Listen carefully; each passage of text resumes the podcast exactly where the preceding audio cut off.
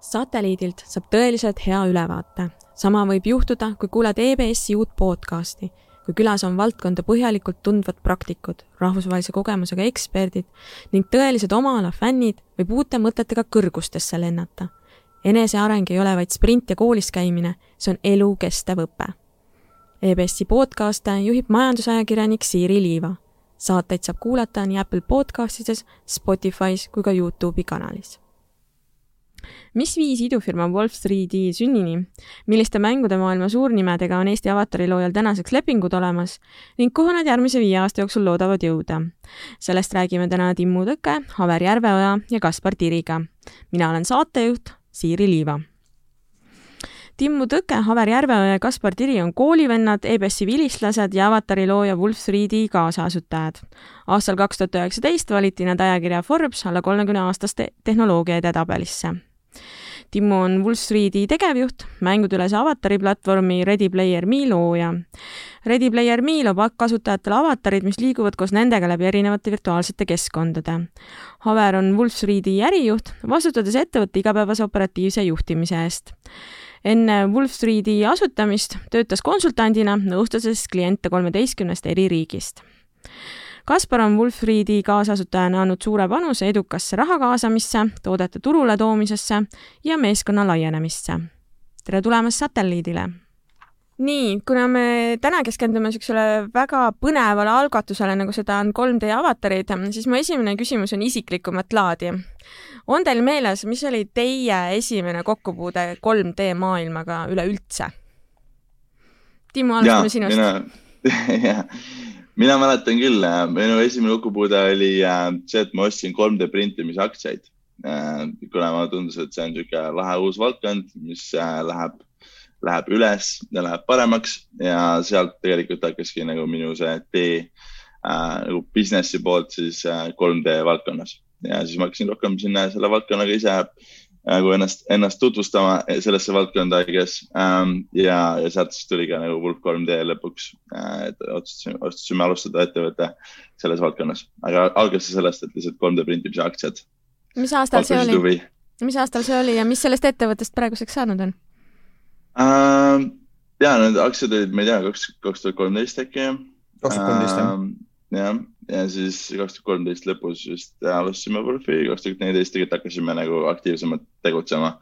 Ähm, ja mis saanud on, praegu hetkel on meid mingi kolmekümne kanti, oleme ka saanud kuskil kolm koma seitse miljonit äh, dollarit investoritelt ja oleme sellises nagu kasvufaasile lähenevas äh, hetkes, et meie toode on siis avatar platvorm, äh, siis mänguarendajad selle asemel, et leiutada enda avatarsüsteemi ja kulutada selle peale kuus kuud, kasutavad meie avatare äh,. hetkel on meil sada kuuskümmend, sada seitsekümmend äh, partnerit, kes kasutavad neid erinevates mängudes ja äppides ähm,. eelmine kuu lisasime viiskümmend uut partnerit, nii et see growth, growth rate on, on päris äh,, päris kiire. ja, ja lõppkasutaja jaoks oleme põhimõtteliselt nagu virtuaalne pass äh, virtuaalseks, virtuaalse maailma jaoks, ehk siis see on üks avatar, mida saab kasutada äh, läbi kõikide nende virtuaalkogemuste millega me oleme integreeritud, äh, mis on meie arvates väga oluline asi, äh, mis tuleb ehitada selleks, et äh, inimestel oleks lihtne virtuaalmaailma, maailmades ringi, ringi käia tulevikus. me kulutame aina rohkem ja rohkem aega mängudes ja 3D maailmades läbi töö, läbi noh, mängude, virtuaalsete ürituste, igal pool me oleme, me oleme, me oleme avatarina esindatud nendes kohtades ja, ja sellepärast see on nagu väga oluline probleem, mida lahendada maailmas okei okay., no sa juba vastasid äh, mu järgmisele küsimusele ära, ma tegelikult tahtsin teada, mis sellest aimasin. ettevõttest on saanud, kelle aktsiaid sa ostsid okei, okei. siis ma tõtlesin natuke ette sellest. ei ole midagi äh,, aga väga hea sellest... sissejuhatuse tegid juba ära kusjuures ma müüsin need aktsiad maha, kuna see raha oli vaja ikka investeerida Vulpi asutamisse, aga äh, ma, mul on virtuaalne portfell alles nende 3D printimise aktsiatega Äh, ma kusjuures vaatasin seda paar, paar kuud tagasi ja see oli mingi miinus kuuskümmend viis protsenti. nii et Wolfi investeerimine oli vist parem otsus mm -hmm,. okei okay., no väga äge äh,. nii, aga lähme edasi ähm, äh,. Kaspar, mis oli sinu esimene kokkupuude 3D maailmaga? ma arvan, ma vastaks sellele küsimusele natukene teistmoodi, et nagu kolm, 3D maailmas, noh mäng, mängud on ehitatud 3D maailmana ja noh, noorena sai ikka väga palju mängitud erinevaid mänge ja sealt nagu tekkiski see nii-öelda esimene kokkupuude sellega, et kuidas nii-öelda veetakse aega põhimõtteliselt virtuaalkeskkondades, et et mõned mängud olid siuksed, kus sa ikka nagu, kui vanematega käisid reisil kuskil soojal maal, siis üldjuhul, mida mina tegin, oli istusin internetiputkas ja mängisin ikkagi oma mänge, et sul oli vaja kogu aeg oma neid leveleid eh, saada paremaks ja, ja noh, sõpradega, kes sul seal mängus olid, oli vaja kogu aeg suhelda, et see on nagu, see on nagu omaette keskkond ja see oli nagu see esimene kokkupuude sellega, mida me tegelikult täna teeme ja, ja.... RuneScape for the win jah, RuneScape oli kindlasti suur, suur osa sellest lapsepõlvest, kus sai nagu väga palju aega veedetud. mul ka tuhandeid ja tuhandeid tunde. Kui palju sul nendest puhkusereisidest meeles on? kusjuures äh, väga hästi mäletan, kuidas internetikohvikus sai äh, konkreetseid, äh, noh, seal Runescape'is mingit kooli mainitud või, või mingeid siukseid asju tehes, sama ajal kui vanemad päevitasid rannas ja nautisid ilma ja toitu. -hmm.. okei väga hea, Kaspar ja Haver, mis oli sinu esimene kokkupuude? sarna-, sarnaselt Timule ja Kasparile loomulikult Runescape oli, oli omal ajal see mäng, mida, mida sai ilmselt liiga palju mängitud ja liiga palju raha kulutatud ja, ja nii edasi, onju. aga mis puutub nagu konkreetsemalt äh, nagu 3D printimisse ja siis sellele perioodile, millele Timu viitas, et see kaks tuhat kolmteist lõpp ja nii edasi, et kui selle 3D printimise nii-öelda haip maailmas oli, oli väga nii-öelda nagu laes, siis ma arvan, et esimene asi, mis ma just kuulsin seoses 3D printimisega spetsiifiliselt, oli, oli kui keegi USA-s 3D printis äh, relva, mis siis millega oli võimalik nii-öelda lasta ja nii edasi. et, et see oli mul nagu kõige eredamalt meeles, mis, äh, mis, mis, mis oli minu võib-olla esimene kokkupuude sellega mm. -hmm okei okay., nii äh,, nüüd on see minu järgmine küsimus, millele Timmu juba vastas, aga okei okay. äh,. no ma saan aru, et teie selle nagu ühisettevõtte äh, just nendele samadele 3D avataride loomisele keskenduva Wolf 3D lugu lähebki tagasi siis sinna kahe tuhande neljateistkümnendasse aastasse. ja mm -hmm. võib-olla rääkige, kuidas see algus täpselt välja nägi mm? -hmm. jaa ähm ma võin rääkida kiirelt ja siis võite lisada, kui ütlete ja äh, ühesõnaga algas asi 3D printimisest. Ehk siis äh, 3D printimine pakkus huvi. ostsime mõned printerid, hakkasime proovima printida erinevaid asju. Ja umbes samal ajal nagu Avar ütles, siis 3D printimine oli teemaks maailmas. Ja äh, kadunud Madis Habauk äh,, EBS-i asutaja tema äh, oli huvitatud sellest teemast. Ja, ja ta kutsus äh, inimesi, kes on nagu, tegelevad sellega lihtsalt äh, miitingule, et, et rääkida ja õppida sellest ise nagu rohkem. ja kuna see pande, kes sinna kokku tuli, äh, mina ja Haver ja seal oli tegelikult paar inimest seal alguses äh,, oli päris nagu huvitav ja me olime väga excited, et ehitada meiega koos, siis, siis tegelikult sealt, äh, sealt sai nagu päriselt Wolf 3D alguse, et see ettevõte oli nagu nii-öelda olemas juba nagu 3D printimisteenuse pakkujana natukene varem, aga nagu see, noh, ühesõnaga see nagu doesn't really matter um, ja, ja, ja Madisest sai siis meie esimene investor ja meie, meie mentor, kes aitas ähm, koos siis tiimiga välja mõelda, mis see nagu esimene toode oleks ähm,, mis on esimene asi, mida me peaksime tegema koos ja kuidas seda kogu asja üldse nagu püsti panna. ja, ja ka lisaks sellele andis nagu väga ähm, kätte suuna nagu ambitsiooni suhtes, et äh, viie aastaga börsile ja kolmsada inimest ja nagu see on asjad, mis me leppisime kokku a la esimesel miitingul onju. et oh, muidugi see on nagu wildly uh,, wildly um, optimistlik, aga nagu ta, tema eesmärk oli lihtsalt näidata nagu, kuidas peab mõtlema.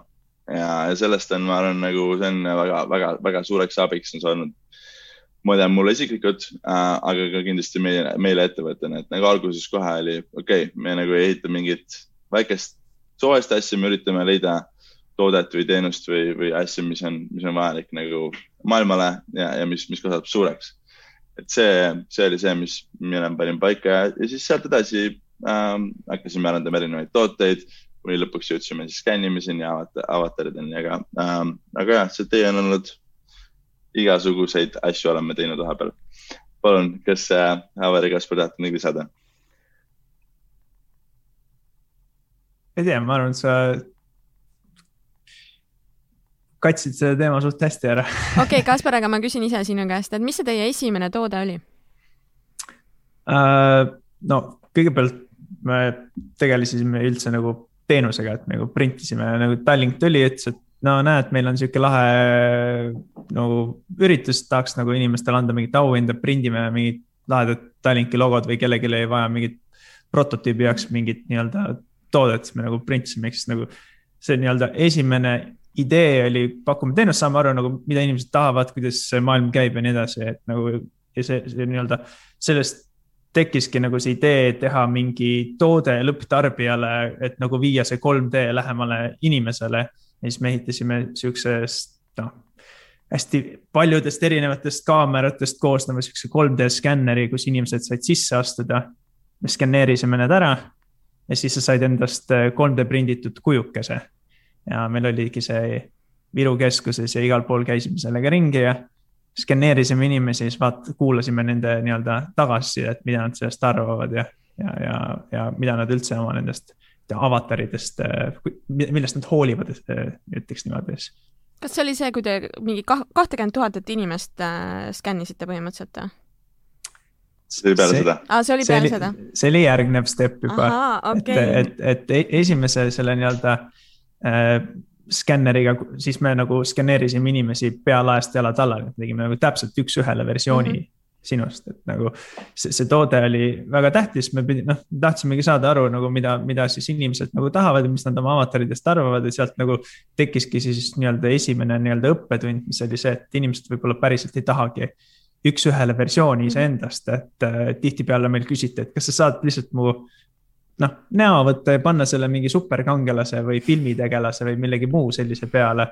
et inimesed olid ka paljuski oma, oma kehade osas äh, natukene E-, ebakindlad ja noh, muidugi see on nagu ka virtuaalmaailm, et sa tahad olla nagu midagi, midagi rohkem erilisemat, kui, kui, kui sul päris maailm pakub, et oma fantaasiat äh, nagu alla lasta Mhm. kõrvalt, kõrvalt ma mainin ära, et kusjuures see esimene skänner, mida me ehitasime, millest Kaspar siin äh, rääkis nende kaameratega ja inimeste skaneerimine pea, pea, äh, pealaest kuni jalatallani, et äh, kes on käinud Eesti Rahva Muuseumis ja on näinud kõiki neid must, musta värvi mannekene, millel erinevad rahvariided on seljas, et kõik need mannekenid tegelikult on siis selles, selles skänn, 3D skänneriga skaneeritud ja siis hiljem, hiljem nagu toodetud füüsilisel kujul et, et see on jah ERMi püsinäitus, kui ma, kui ma ei eksi ja see on vist seal järgnevad viisteist, kakskümmend aastat.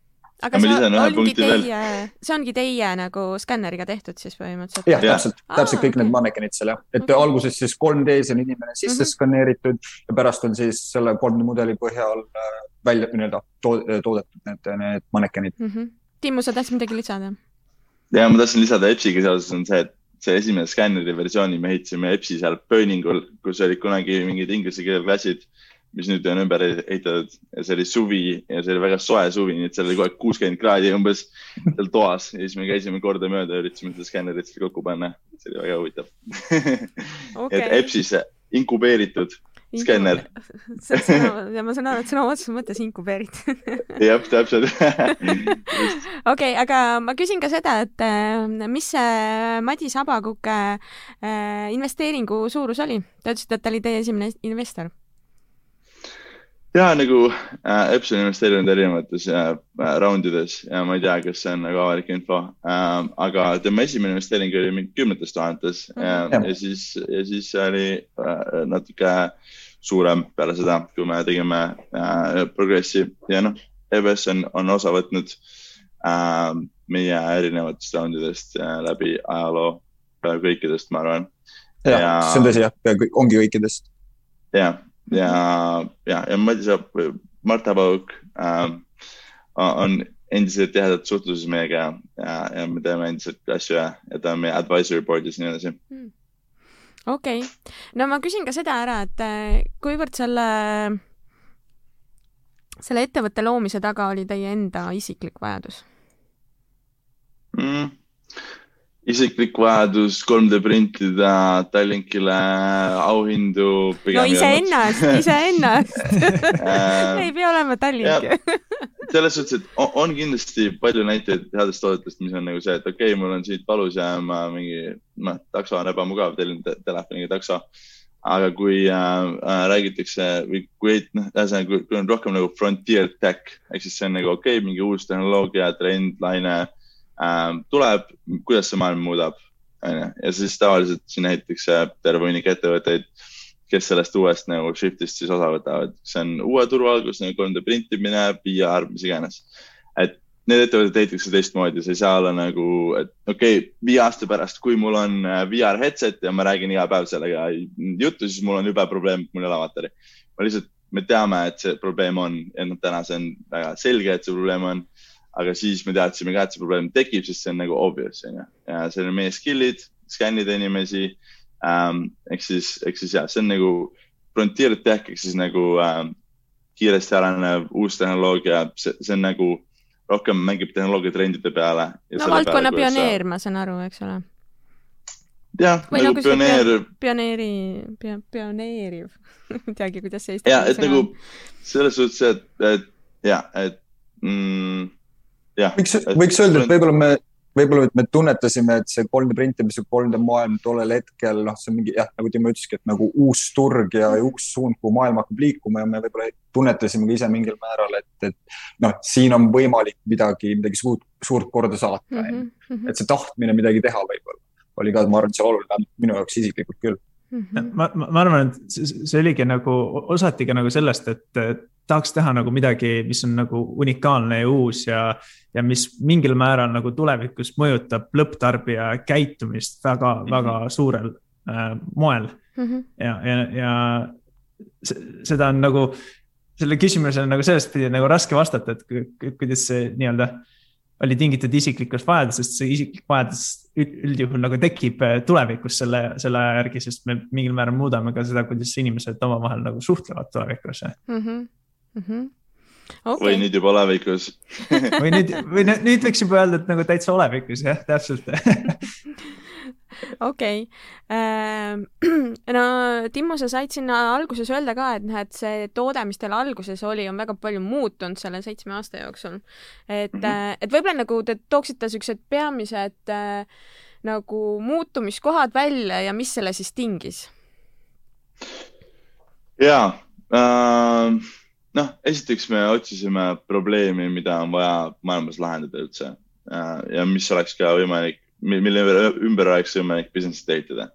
ehk siis nagu, mis alguses oli see, okei okay,, 3D prindime mingeid asju, obviously halb business on ju. siis oli okei okay,, teeme skänneri, võib-olla inimesed tahavad skännida ennast ja printida mingeid kujusid uh,. okei okay,, aga no halb business ja ei, ei olnud nagu piisavalt head alg-, alg, esimesed tulemused. samal ajal VR uh,, virtuaalreaalsus uh, tekkis huvi selle vastu uuesti maailmas, kuna Facebook ostis ära Oculus'e kahe miljardi eest ja oli selge, et nad investeerivad sinna, oli selge, et see, sellest saab sotsiaalne platvorm, kuna Facebook on social media on ju.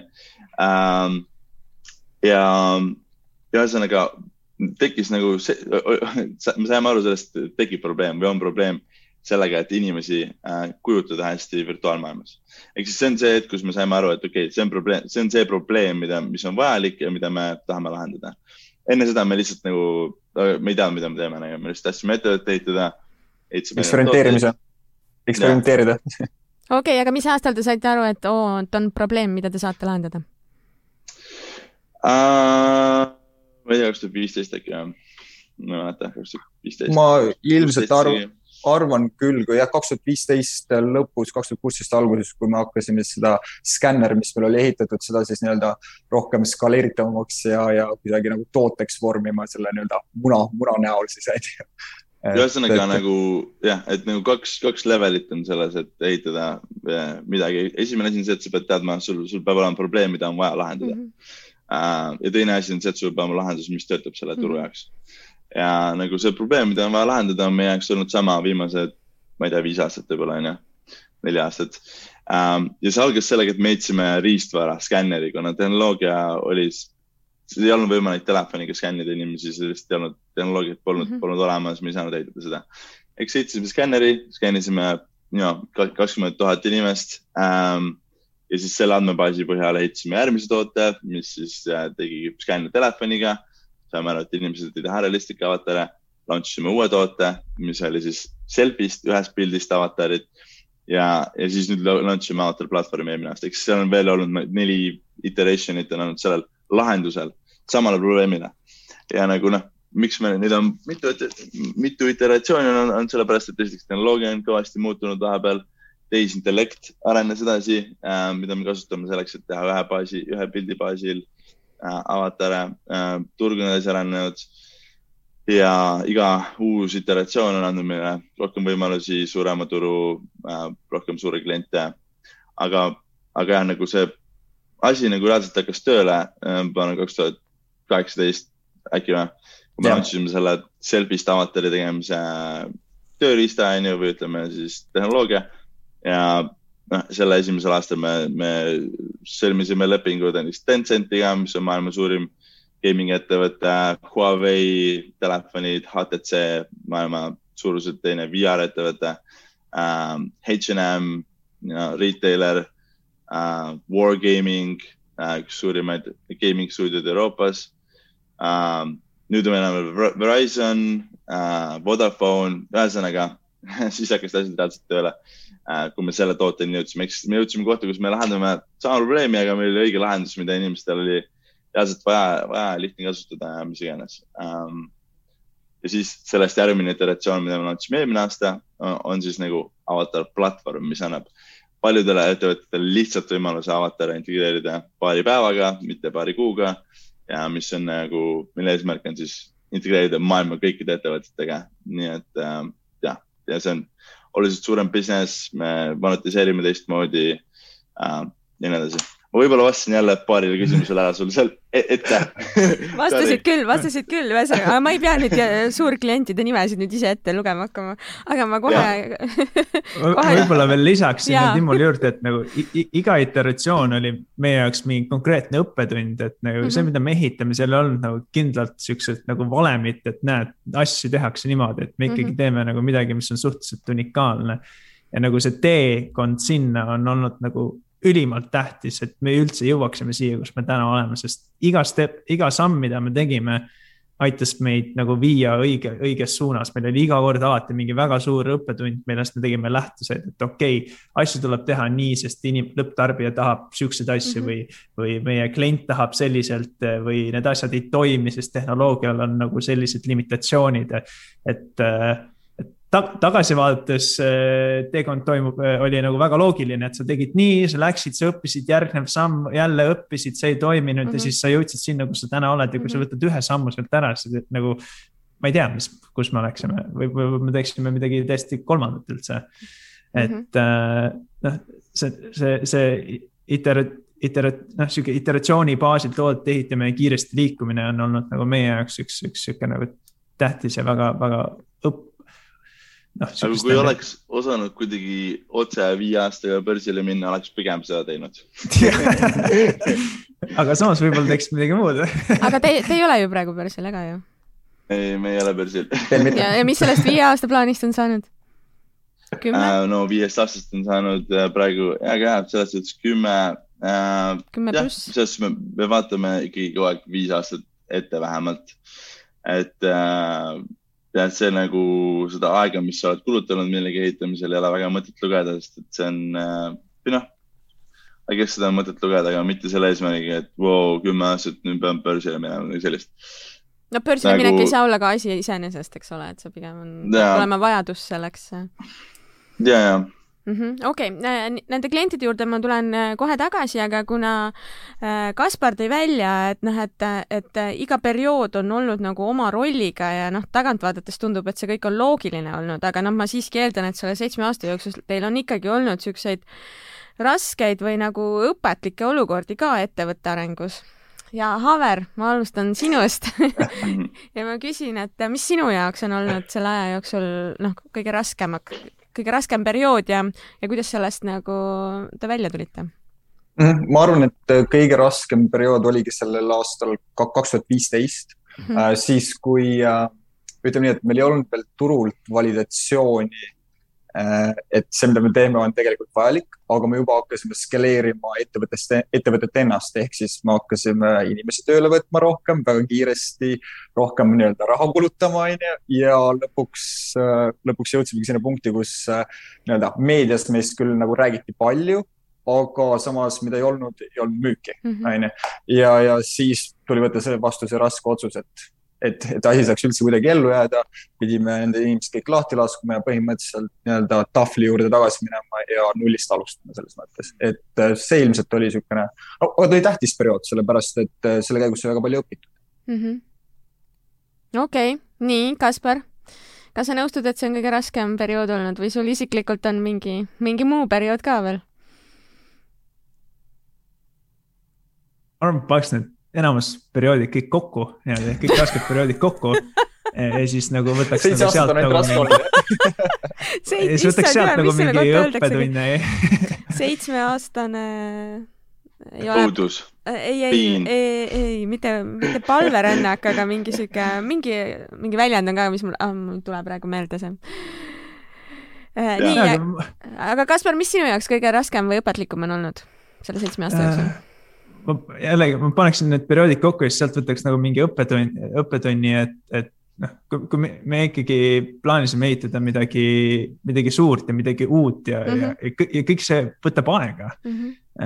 ja noh, vahepeal ei ole sul see ajastus õige, vahepeal on mingi turunäitaja, vahepeal on sul endal nagu toode ja siis noh, need, need või need, need nagu need muutujad ei nagu võimalda sul siis läbi lüüa, ehk siis nagu oluline teema on ka nagu aru saada sellest, et, et kuidas mitte ära surra, eriti kui me räägime nagu iduettevõtetest, et mm. -hmm. selleks, et ehitada midagi suurt, see võtab aega ja, ja tuleb olla nagu piisavalt pikalt äh, elus, et sa saaksid eksperdiks ja siis, kui see ajastus tuleb, nagu näiteks meil see moment, kus äh, natuke noh, Covid ja enne natuke Covidit tuli siit täpselt see ajastus, kus meie jaoks oli see, et nagu nüüd kõik nagu kõik on õige, nüüd on lihtsalt see, et mine ja tee nagu mm. ja, ja sul on nii palju äh, nii-öelda ekspertiisi tekkinud läbi aja, et teised inimesed ei saa sinuga võistelda Mhm. selles mängus, sellepärast et sa oled seda teinud juba eelnevalt nii pikalt, sa tead need, millised asjad toimivad, kuidas toimivad, kuidas sa peaks seda tegema ja nüüd on lihtsalt nagu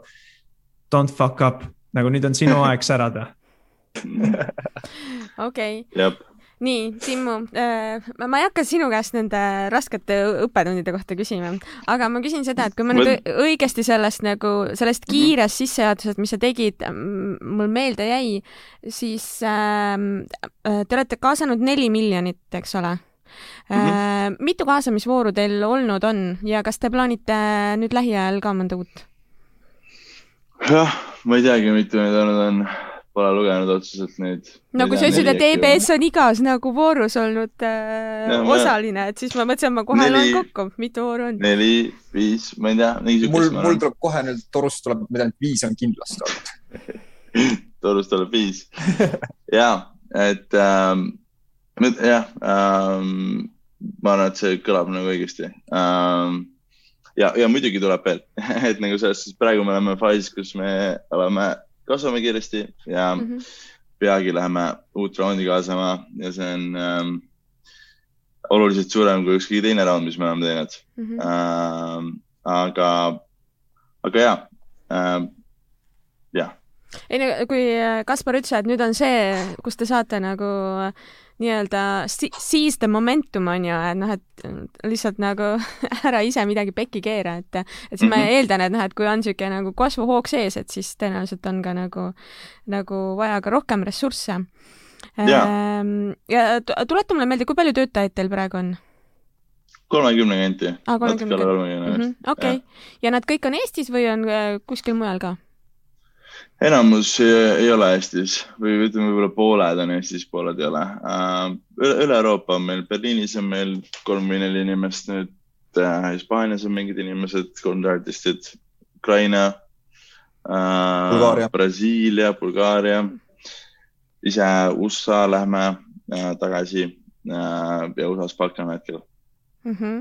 okei, ma tahtsin küsida, kus te ise praegu konkreetselt olete, te olete Eestis kõik kolm? hetkel Pärnus. okei, nii, aga see on ka üks asi, mida äh, Wolf 3D puhul Eesti meedias aeg-ajalt rõhutatakse, et tegu on pärnakate ettevõttega. et äh, kui palju, kui nagu olulist rolli noh, Pärnu iseenesest nagu teie tegevuses äh, mängib või kui palju te ise seda rõhutate? Esiteks nagu me, me, meie jaoks Eesti meedia on alati niisugune asi, et nagu me pole kunagi viitsinud kunagi ise suhelda nagu Eesti meediaga väga hästi. me oleme nagu, mis meie kasu siin on. ei nagu selles suhtes, ainuke asi on see, et nagu emal on lahe lugeda ja vanaemal või midagi, aga nagu meil mitte mingit kasu sellest ei ole, nagu me täiesti ükskõik ah,. sellepärast, selles, selles suhtes ja ma arvan, et miks me oleme Pärnu ettevõte, on sellepärast, et Pärnu Postimees, Pärnu mingid ajakirjanikud on kirjutanud meist, kuna nad teavad nagu sellest äh, rohkem ähm,. aga Pärnu, selles suhtes mina ja Kaspar oleme pärnakad äh,, Haver on poole tee peal Pärnusse, eks Märjamaalt ja, et siin fakti, fakti nagu korrektuur tuleb teha, et ei ole ainult pärnakad, et Märjamaa ka nagu ja, ja Pärnus äh, Kaspariga meil esimesed äh, ettevõtmised olid äh, Nirvana cover bänd näiteks kaks tükki isegi vist oli neid. ühes mängisin mina trumme, teises Kaspar kitarri ja, ja, ja Kaspar kitarri, teises mängisin mina kitarri ja Kaspar trumme ähm, ühesõnaga, et me teame teineteist Pärnust ja olime sõbrad juba noor, noores eas mm, -hmm. aga ja meie legaalne aadress on ka Pärnus mm. -hmm. Äh, muud väga suurt ei ole mm. -hmm okei okay., aga seda legaalset aadressi või nagu nii-öelda peakontorit äh, te plaanite Eestist ära ka viia või ei plaani? No me oleme USA ettevõte tegelikult, kellel on Eesti äh,, Eesti tütarettevõte. aa, teil on niipidi jah? Nagu aa, okei. ja, ja, mm -hmm. ja, ja nagu kontor on meil päriselt ikkagi Tallinnas selles mõttes ähm,. Äh, aga jah, et mm, USA, USA on see koht, kus on meie nagu business mm -hmm. ja marketing tiim, seda me palkame seal ka praegu. ja tootetiim on Euroopas mm. -hmm okei okay., nii, aga äh, lisaks sellele, et te olete et te, teie näol on tegu pärnakate ettevõttega või poolpärnakate ettevõttega. Äh, olete te kõik ka koolikaaslased, kellest on saanud äh, äripartnerid ja no sellest, et mis roll EBS-il siin on olnud, noh, sellest sai juba räägitud, et seda ma ei hakka nagu üle küsima. aga ma küsin seda, et, äh, et kuidas teil on olnud võimalik selle aja jooksul ajada koos äri ja no ma eeldan, et olla ikkagi sõbrad ka edasi mm. -hmm. kes tahab vastata ma võin vastata ja ma vastan kõik, ma räägin liiga palju no ma võin. Haver, alustame seekord sinust, jah ma võin, ma võin alustada no sellest mina, mina esimest korda Timuga kohtusin, on ju seal Madis Avakuke siis kontoris, kui Madis siis kutsus inimesi, kes ei huvitatud sellest 3D valdkonnast. on ju jah, sealt jäi kohe mulje, et noh, Timu, Timu puhul vähemalt, et, et tegemist on normaalse inimesega, onju. Thanks, Saar. onju, mida, mida ma selle all mõtlen lihtsalt, et nagu ma arvan, et mis meil nagu kolme vahel üldse, meil on tegelikult on neli co-founder'it, onju mm. -hmm need kolm tükki on pärit Pärnust, mina siis nii-öelda Märjamaalt, onju. aga mis ma arvan, mis meie see nii-öelda tugevus on või miks me omavahel nii-öelda nagu sobitume, on see, et, et meil kõigil on mingisugused isikuomadused, mis nii-öelda klapivad, onju võib-olla noh, ma ei tea, olgu see ambitsioonikus näiteks üks, üks, üks põhilistest onju, aga samas meil on ka siis nii-öelda teisi isikuomadusi, mis siis äh, komplementeerivad üksteist mhm. mm -hmm., et noh, see on siis puhtalt vaadates kasvõi seda, et mida igaüks meist siin ettevõttes nagu teeb või mis valdkonna eest vastutab onju. et, et ja sellepärast ma arvan, et me sobime nagu nii-öelda hästi kokku nagu pus pusletükid selles mõttes onju, kui, kui nii-öelda figuratiivselt rääkida mm. -hmm. Kaspar jah, ma, ma arvan, see Haveri nii-öelda point on päris hea, et noh, lõppude lõpuks, kui sa vaatad nagu oma sõpru ka, siis need kõik tulevad natukene eri, eri taustade ja nii edasi, et ja sul on nagu noh, seltskonnas on ikkagi tore veeta aega inimestega, kellelt sul on ise natukene võimalik õppida ja, ja kes nagu täiendavad sind. noh, samamoodi on nagu sõbrad, nagu lõppude lõpuks sa oled sama hea kui sinu ring, ringkond nagu inimesed sinu ümber, et inimesed sinu ümber mõjutavad sind, kes, kes sa oled ja samamoodi, kui sa veedad, veedad aega ambitsioonikate inimestega koos, kes tahavad midagi toredat teha, suurelt mõelda, siis see nagu mõjutab ka sind, et ma mõtlen nagu jah, sõbrad ja, ja äri tegemine on minu meelest nagu väga, väga loogiline, ma pole seda kunagi nii, niipidi, niipidi mõelnud koos olla, et nagu tavaliselt inimesed, kellega ma tahan koos hängida, on need inimesed, kellega ma võiksin koos äri teha ka, sest nendega on huvitav vestelda ja mul on alati neilt võimalik õppida. -hmm.. okei. No äh, kuidas teil rollid meeskonnas jagunenud on, mis kellegi ülesanne on? Ja kui ma, kui ma juba seda mainisin, siis noh, mina, mina nii-öelda vastutan nii-öelda juriidilise ja finantspoole eest ja üldiselt nii-öelda nagu operatiivsete tegevuste eest mm, -hmm. ütleme nii äh,. Kaspar, sa äh, räägid ise äkki iseenda eest? äriline pool, teeme, teeme siis lühidalt okei okay,, väga hea. ja, ja meil on veel Rainer, kes on CTO, tema on kogu tehnoloogia ja, ja, ja product osaliselt ja mina olen CEO ehk siis kõik need asjad pluss äh, toode on minu nagu fookus. ja vastavalt äh, vajadusele vahepeal on fundraising enamus mm -hmm. aega, vahepeal on hiring, vahepeal on, aga toode on see, mida mulle meeldib kõige rohkem. millega mulle meeldib tegeleda ja, ja mis on nagu jah võtab kohe okka. ma, ma lihtsalt mõtlen miks ülesanded on nii palju? mida sa täna veel tegema pead, jah? mõtlesin, et palju ma täna tegema pean ja, ja siis äh, ja aga, aga jah, ühesõnaga see on, see on uh, awesome, see pool mulle meeldib uh, kõige rohkem endale okay.. kunagi, kunagi, kunagi Madis Abakukk ütles, ütles meie kohta, et, et ei juhtu just äh, tihti, et selline, selline grupp inimesi tuleb omavahel kokku, onju.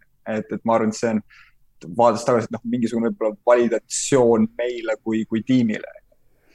Ja see oli nagu sihuke hetk, kus meil esimene mingisugune asi, mida me üritasime ehitada, siis nagu väga hästi ei läinud mm. -hmm ja siis oli nagu, et okei okay,, mida me nüüd teeme, onju, kas me nagu ehitame midagi uut või me läheme laiali või mis see nagu plaan, kuigi me nagu otseselt ei mõelnud selle pealt laiali minna, aga see oli siuke hetk mm. -hmm. Uh, ja siis jah, Maie Sabak ütles, et don't break it ja äh, kusjuures selle, äh, selle tsitaadi ma leidsin ka tõenäoliselt ühest Pärnu Postimehe loost. aga ma tahtsingi küsida, et mis te ise nagu hindate, et mis teid siis meeskonnana nii edukaks teeb? esiteks ma võib-olla lisan sellele teemale ka, mis enne oli, et nagu sõpradega äri tegemine ja nii edasi, et äh, ma arvan, mis nagu meie puhul äh, on väga oluline, on see, et me ei ürita olla kuidagi poliitiliselt korrektsed omavahel nagu, me ei ürita olla kuidagi mingid oh,, mm, hingan sisse kolm, välja kolm korda ja siis äkki ma enam ei ole närvis. nagu me lahendame kõik asjad ära kohe, kui need juhtuvad nagu. kui mingi erimeelsus on, siis inimesed vaidlevad omavahel nagu tuliselt vaidlevad, kui vaja. aga nagu asjad saavad lahendatud, kunagi ei ole siukest asja, et mm, ma nagu hoian mingit äh,, et sul koguneb mingisugune nagu jama.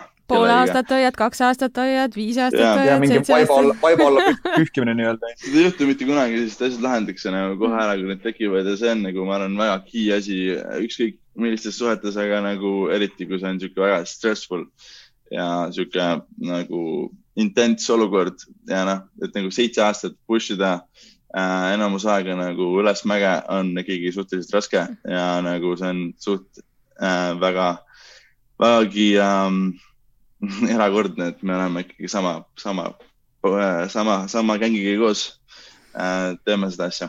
okei okay,, no ma tahtsin küsida, et kas selle seitsme aasta jooksul ikkagi jagelusi ja kaklusi ka on olnud? Pole päeva, kui ei ole jagatud no, vot, ma saan aru, et see on see vastus ei, selles suhtes, et, et ongi nagu äh, jah, nagu see, et inimesed ei arva alati samamoodi asjadest, on, on väga positiivne, et nagu sealt tulevad kõigid otsused, kui on äh, erinevad arvamused nagu äh, naturaalselt inimestel ja, ja see on, see on väga positiivne. progressi alusel. jah see saab olla produktiivne, saab olla mitteproduktiivne, see oleneb nagu, et see peab olema nagu balansseeritud, aga, aga jah. Haver, sa tahtsid midagi öelda? Ei, lihtsalt kõrvalt lihtsalt ja, et see, need erinevad arvamused, see on ikkagi nagu progressi alus, et mm. see igaüks, keegi toob, igaüks toob lauale midagi, mingisuguse uue, uue mõtte või, või, või viisi, kuidas asju teha ja see meid nii-öelda edasi, edasi, edasi ka viib tegelikult mm. -hmm okei okay,, no ma nüüd tulen nende, selle muljetavaldav nimekirja äh, juurde ettevõtetest, kellega te kõik nagu koostööd teete ja keda siin Timmu vahepeal ette luges, ma ei hakka seda kordama.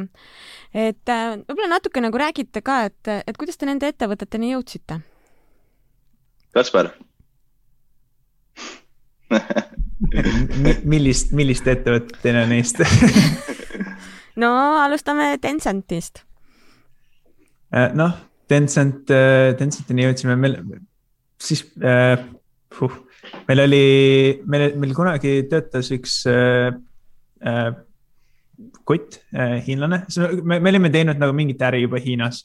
Ja nagu see äri oli umbes, see, see algas nagu Huawei'ga ja see lõpp nägi välja umbes niimoodi, et äh, ühel detsembrikuul ma sain mingi kolm, kolm või neli korda sõita Hiina vahet, sest iga kord, kui ma tagasi tulin, siis me saime aru, et nad on täiesti valesti asju, asjadest aru saanud. Või siis meie oleme neist, põhimõtteliselt see kommunikatsioon oli see, et üks oli ühel levelil teine oli teisel levelil ja siis me saime aru, et okei okay,, selleks, et nagu äri teha, meil on vaja nagu inimest, kes saab aru kultuurist, oskab nende keelt rääkida ja kõike seda muud.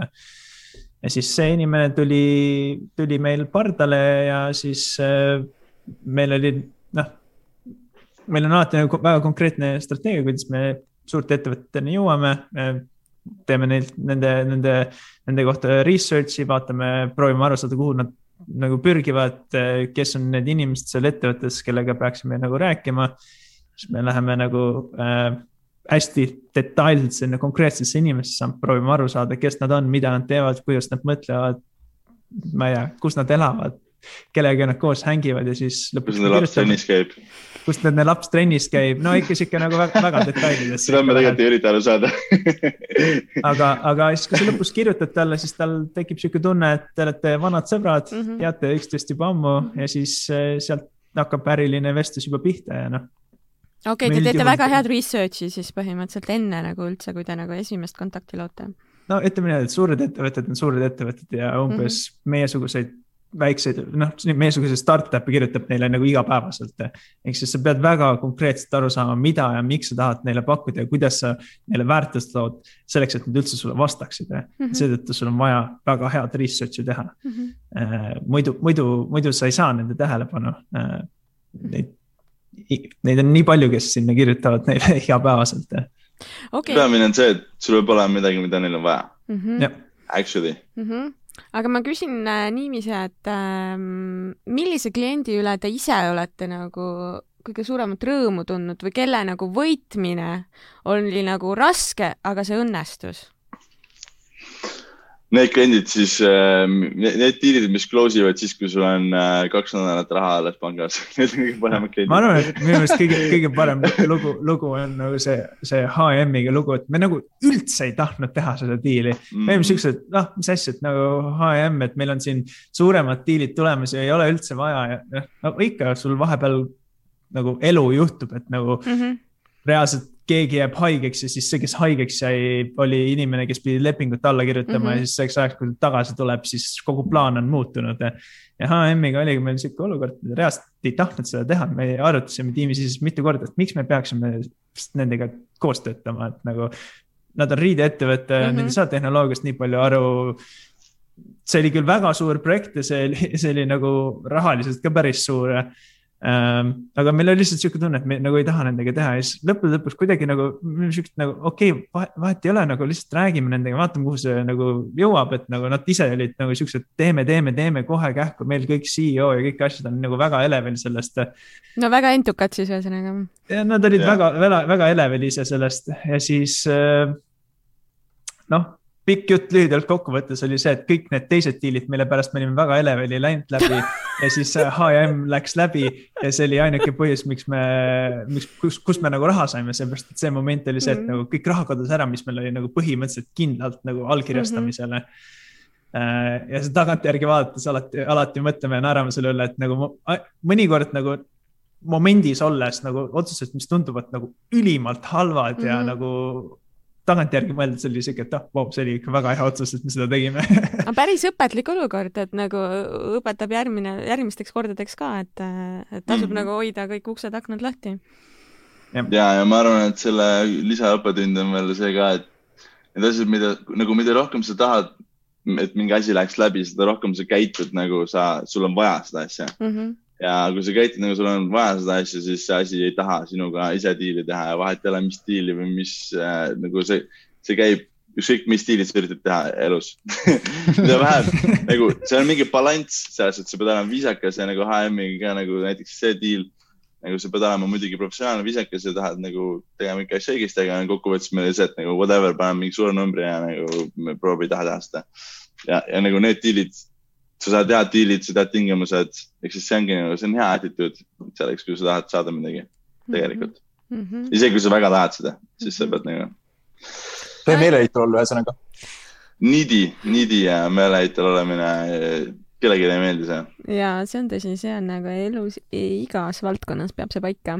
täpselt. nii, aga äh, eelmise aasta augustis te kaasasite üks koma kaks miljonit. see oli viimane kaasamisraund, eks ole? Me tegime tegelikult just äh, mingi kuu aega tagasi ka ühe, ühe miljonise raundi peaaegu äh,. see oli lihtsalt nagu meie enda investorid pakkusid lisakapitali, kuna me kasvame kiiresti, meil on vaja palgata inimesi juurde äh, et see ei olnud nagu mingi avalik raund, me lihtsalt tegime selle nagu. Teie investorid ise ütlesid, et näete, võtke, siin on veel üks miljon teile. jaa no teil on väga head investorid siis. jah, no selles suhtes, et kui sa oled investeerinud mingisse asja ja sa näed, et see asi nagu duubeldab oma numbreid iga paari kuu tagant ja asjad lähevad nagu hästi, siis see on, see on, see on päris loogiline asi, mida teha selles mõttes ja ei, see kindlasti on selles mõttes, et. Nad äh, tahavad kümme miljonit tagasi saada pärast selles mõttes et muidu poleks pärast. ma, isegi ei kahtle, et nad tahavad oluliselt rohkem tagasi saada, kui see, see nagu lõpuks sisse või noh, alguses sisse panid. okei okay., aga äh, noh, kuna te olete praegu nagu niiviisi kasv, kiires kasvufaasis, et, et kus te noh, kus te nagu lähiajal ise nagu näete seda nagu kõige suuremat äh, kasvuruumi? kes tahab vastata? Esimest korda vaikus eetris ma võin vastata, võin alati vastata, ma lihtsalt teiseks ka. ja, ja loomulikult, see on tore, kui kõik räägivad äh, kaasa. ja, et ähm, ühesõnaga me alustasime Ready Player Me'iga äh,, mis on siis uus, uus toote mm -hmm. platvorm, alustasime VR-ist äh,. ehk siis meie eesmärk oli sign ida suuremad äh, meeting äpid mm, -hmm. vir virtuaalsete ürituste äpid äh,. me oleme seda su suhteliselt edukalt teinud, me oleme ena, enamus suuremad mingisugused social VR äpid sain pluss ka VR chat, mis on üldse VR-is kõige suurem äh, äpp experience äh, ja nii edasi. siis see turg on nagu mm, ütleme nii, et äh, valutamisel ja see on nagu tore, et see läheb iseenesest orgaaniliselt kasvab, kasvab edasi. mida rohkem uusi äppi launch ib, seda rohkem inimesi näevad seda, seda rohkem tuleb mm -hmm. uusi äh, peale. ja, ja praegu järgmised asjad on nagu noh, mobiilimängud on üks asi, mida me vaatame, uurime, ehk siis nagu järgmine segment on see, mida me otsime hetkel peale VR-i, mis on nagu suurem, kus on rohkem lõppkasutajaid ja millesse me tahame siis fokusseerida ja scale ida um,. teine asi, mida me teeme, on, on, on marketplace, NFT-d, kui keegi on kuulnud sellest, NFT-d on nagu põhimõtteliselt virtuaalse kunsti mm,, kunstist algesse, eks sa saad nagu unikaalset digitaalset objekti müüa lihtsalt krüpto peale ehitatud NFT-d um, ei tea, kui nagu, ühesõnaga me ehitame erinevaid ähm,, see on nagu, see on nagu raske asi millest aru saada, kui mitte NFT-dest teemas olla. me ehitame NFT community tele äh, viisi, kuidas nad saavad enda NFT-sid kasutada mängudes. ehk siis näiteks on CryptoPunks on selline virtuaalne kunstikogu, kus on kümme tuhat äh, põhimõtteliselt nagu display pilti. kõige odavam neist maksab viiskümmend tuhat äh, dollarit, kõige kallim maksab seitse koma seitse miljonit täna, äh, üks nagu sihuke väike pilt lihtsalt ja me ehitame põhimõtteliselt siis viisi, kuidas need inimesed, kes omavad neid pilte, saavad genereerida avatarile endale virtuaalse siis asset'i, kus on need peale pildid ja pattern'id peal, onju. ja siis saavad kasutada neid, seda, seda asset'it kõikides saja kolmekümnes mängus mm.. täna need, see kunst, mis äh, eksisteerib, nad saavad kasutada seda Twitteris profiilipildina ja that's it. Äh, me anname selle reaalse kasutuse siis nagu mängudes eks need on kaks asja, ühelt poolt nagu rohkem developer, rohkem mänge, kus sa saad kasutada neid avatari, neid avatari äh, asset eid. teiselt poolt siis äh, äh, on, on see marketplace, ehk siis kuidas anda näiteks NFT omanikele võimalus kasutada enda NFT-sid nendes mängudes äh,.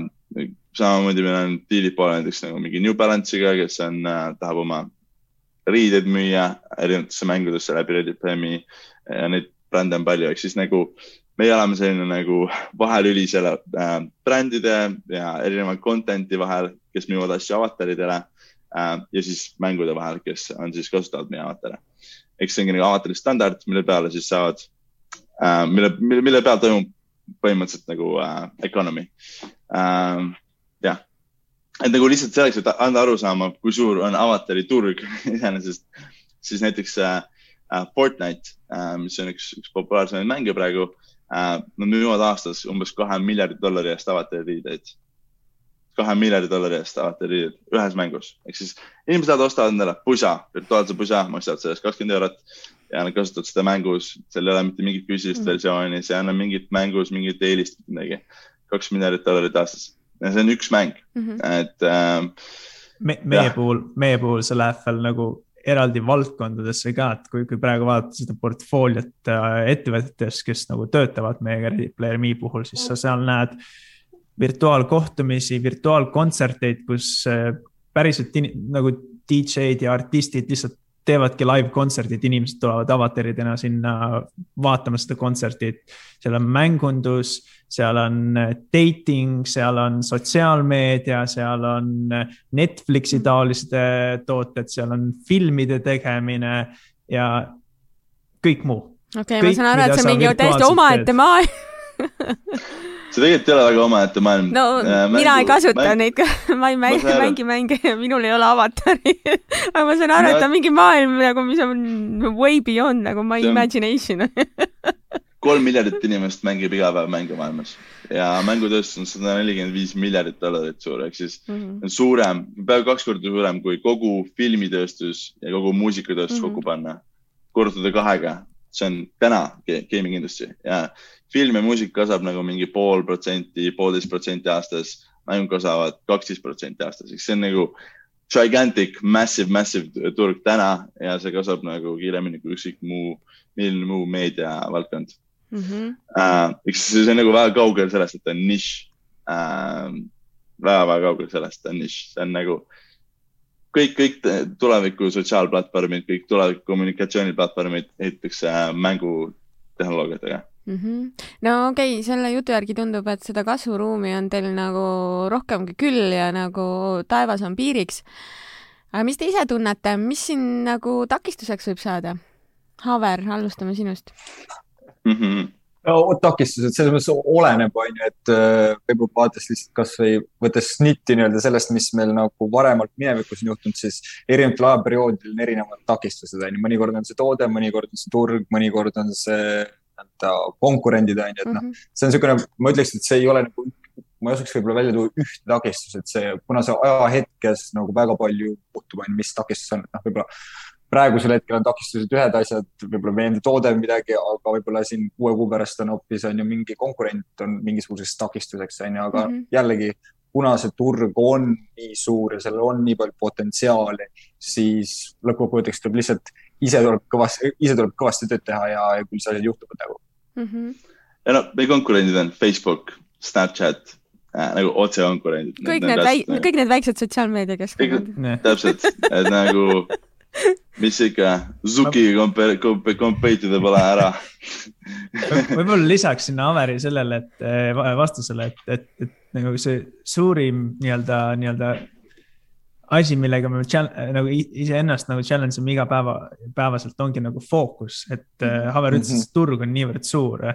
see ongi tõsi, me võimegi nagu see, see list, mida ma ette nimetasin, on nagu veelgi suurem, sa võid minna nii palju erinevatesse kohtadesse ja nüüd küsimus on pigem see, et kus me peaksime olema täna meil igapäevaselt on vestlused nagu hästi palju tuleb äh, nii-öelda suuri ettevõtteid Hiinast, kes on noh, et me tahame teiega koostööd teha ja siis on küsimus, mida sa pead tegema, on, on, on, see on väga raske otsus, kas sa nüüd pakud neile suurte Hiina ettevõtetele oma toodet või mitte.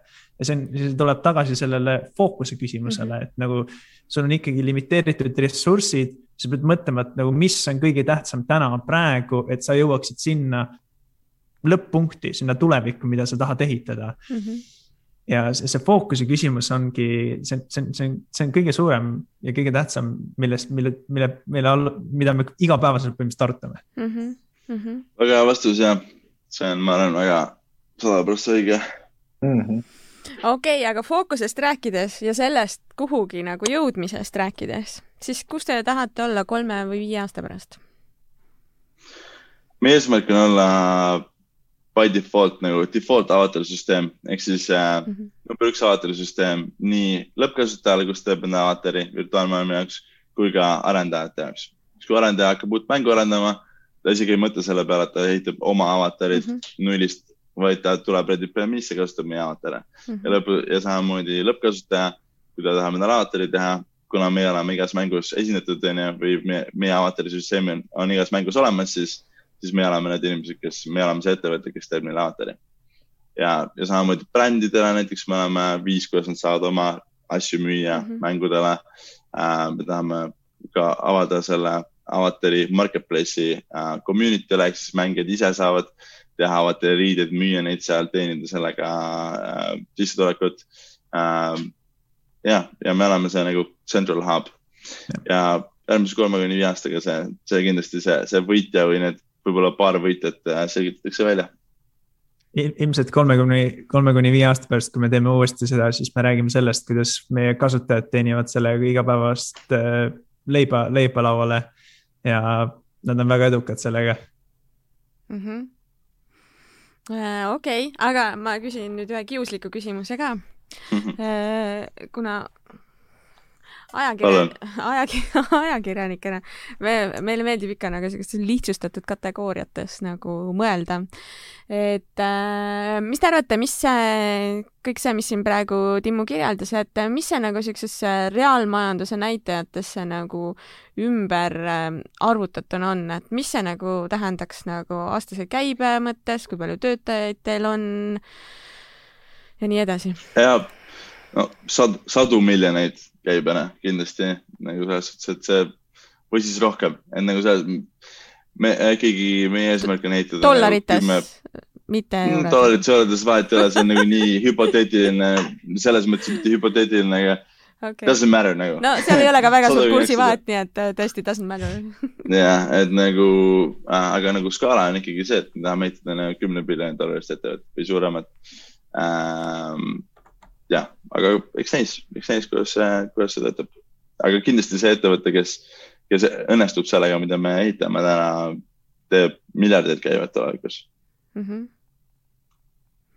ja see võib olla keegi suurtest, see võib olla keegi startup idest. täna oleme me väga heas, heas positsioonis. aga eks näis, kuidas maailm ennast äh, välja mängib. kas te olete valmis ka ettevõtte maha müüma? Selle lähima kolme kuni viie aasta jooksul? jah, meil on olnud pakkumisi äh, viimaste aastate jooksul äh, ettevõtted maha müüa.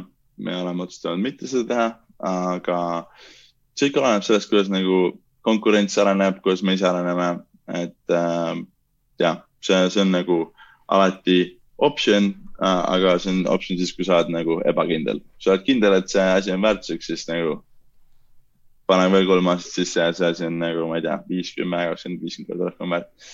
ehk siis ähm,. ikka sa ikka on... pigem tõused hommikul üles niimoodi, et sul silmad säravad ja siis juba paar, paar minutit enne äratuskella oled mõelnud juba, kuidas sa tööd teed. et seda, seda excitement'i on nagu raske, sellega on raske võidelda mm. -hmm. jah, see tunne peab kindlasti olema, et äh, nagu Kaspar kirjeldas, et äh, jällegi isiklikust vaatepunktist, et äh, see on väga-väga-väga oluline nagu ükskõik milles, mida, mida inimene elus teeb nii-öelda.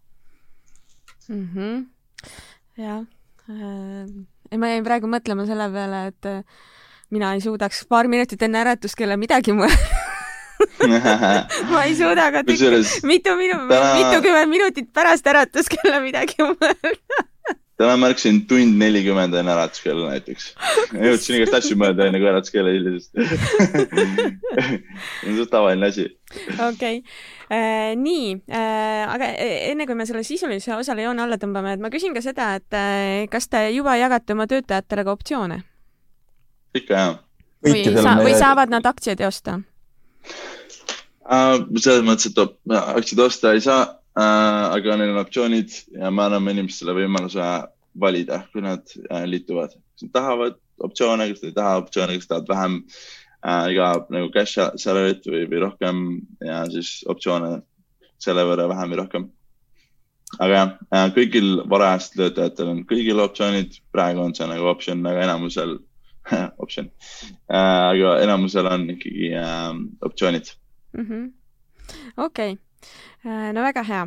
aga sellega ma tõmbaksin sisulisele arutelule joone alla, et meil siin aeg hakkab ka juba tagant suruma.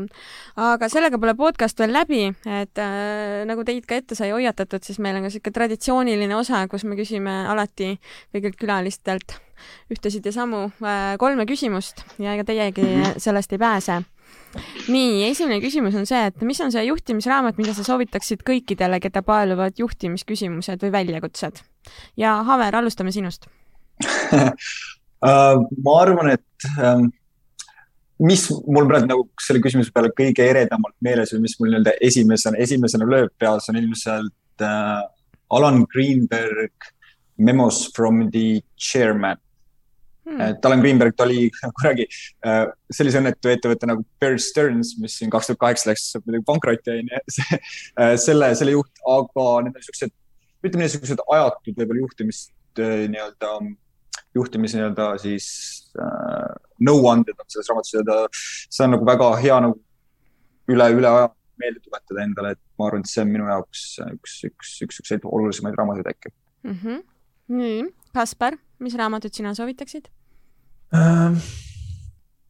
ma arvan, ma arvan, et Ray Dalio Principles on päris, päris hea, päris hea nii-öelda uh, soovitus sellele, et see raamat on jagatud kolmeks osaks, et ta räägib natukene enda elust, ta räägib natukene uh, elupõhimõtetest, ta räägib tööpõhimõtetest, kui sa tahad nagu seda nii-öelda management osa ainult lugeda, siis sa võid nagu seda nii-öelda tööpõhimõtteid lugeda, et tema nii-öelda üks peaideedest ongi see, et nii elu juhtimist, majandust, investeerimist, mis iganes saad äh, nagu süstematiseerida kindlateks reegliteks ja sa saad käsitleda seda kui nagu masinades äh, põhimõtteliselt. ehk siis nagu parimad juhid ongi nagu insenerid, kes siis disainivad, arendavad välja selle masina seavad üles need kogu, kõik need nagu protsessid ja, ja muud KPI-d, saada aru, kuidas see masin töötab, mis masinas töötab hästi parasjagu, mis vajab improvement'e. ja see on ainult üks, üks väike osa sellest, millest ta räägib, tal on hästi palju häid põhimõtteid, mida sa saad kasutada igapäevaelus, et teha hästi otsuseid ja, ja ehitada ettevõtte kultuuri ja seda juhtimist. jah. kõlab väga hea soovitusena. Timo, mis on sinu raamatu soovitus? Ja Reidit me kasutame reaalselt ettevõttes nagu planeerimiseks mm. või nagu tema seda süsteemi, seda five step process'it. ja see on kindlasti üks, üks top raamatuid üldse, mida lugeda ähm,. üldiselt ma, ma isiklikult ei loe üldse peaaegu business raamatuid, selliseid business raamatuid, mida ma ütlen nagu me mm. -hmm ühesõnaga raamatud, mis on blogipostitus, mis on kirjutatud kahesaja viiekümne lehekülje peale, ehk siis nagu üheksakümmend üheksa koma üheksa protsenti kogu business raamatutest. On minu jaoks super igavad, aga ma loen väga palju üldiselt ja ma soovitan inimestel väga palju lugeda. see ei pea Iga olema juhtimisraamat. Vastates aga... küsimusele, mul on üks juhtimisraamat TK. Ja see on äh, üks, äh, üks äh, hea raamat, mida ma soovitan, kindlasti on High Output Management um,. Andy Grove, Inteli CEO um, ma jään selle raamatu oma uutele mänedžeridele alati ja see seletab mm. väga hästi ära, mis on mänedžeri ülesanded, mille peale peab keskenduma ähm,. ja, ja kõik sellised nagu ütleme, et see on konkreetselt nagu management õpik mm. -hmm. Äh, ta ei ole küll õpik, aga ta on nagu, ütleme te, tehnindustis see on suhteliselt nagu laia, laia, laialdaselt kasutatud ja, ja äh, hinnatud raamat mm. -hmm. ja see on kindlasti üks top management raamatuid mm. -hmm okei okay,, no väga hea, saime ikkagi juhtimisraamatu soovituse sinult ka kätte. nii, teine küsimus, mis on see üks soovitus, mis sa alati juhtimise kohta annaksid ja Kaspar, alustame sinust.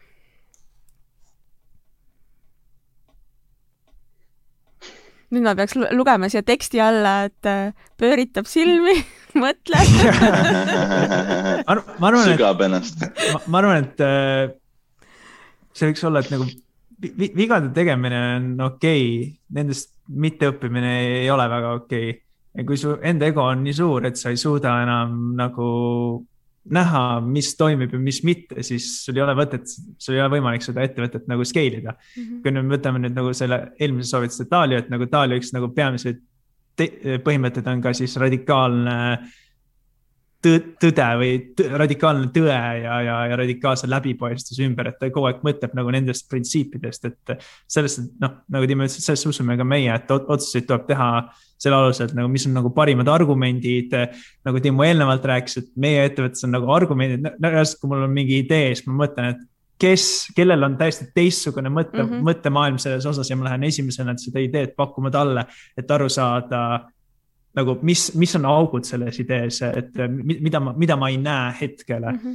-hmm. ja see aitabki mul jõuda sinnamaale, kus äh, ma saan aru, et äh, mis on ettevõttele kõige, kõige väärtuslikum ja mis on ettevõttele kõige parem ja noh, samamoodi, et ükstapuha, ükstapuha, mis inimene tuleb meile nagu tööle ja kui mina teen midagi valesti või, või ma räägin kuskil midagi, me, me, me julgustame inimesi kohe ütlema, et nagu näed, sa tegid seda valesti, et mina arvan, et see on nii, nii või sa mm, -hmm. või, või sa läksid kliendiga kõnesse ja üheksakümmend üheksa protsenti sa rääkisid, sa ei õppinud midagi kliendist, see on halb.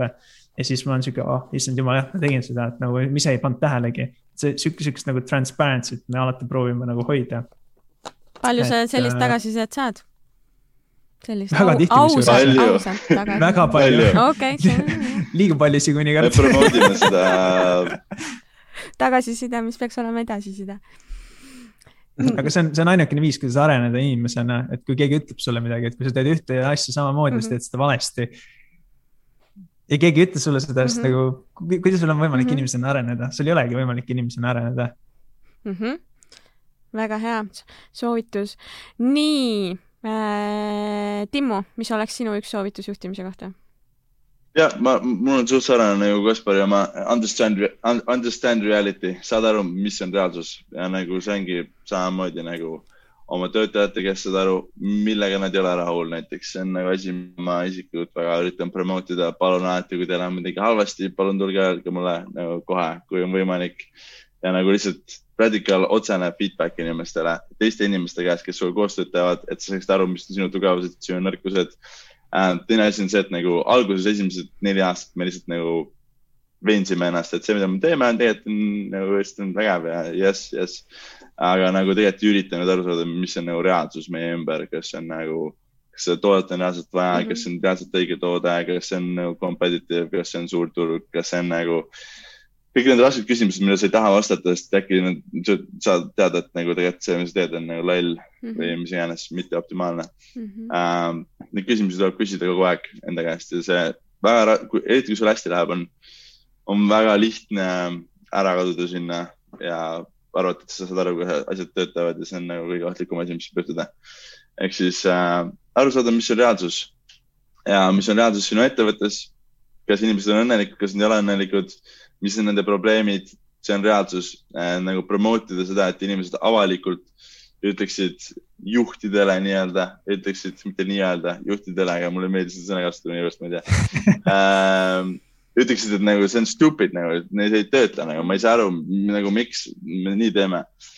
see on kõik väga positiivne ja see aitab sul aru saada, mis asi on, mis on reaalsus Mhm. ähm,. ja kui sa tead reaalsust, siis sa saad mõelda, mis sa ta- pead tegema, et, et saavutada reaalsust, mis, mis sulle sobib.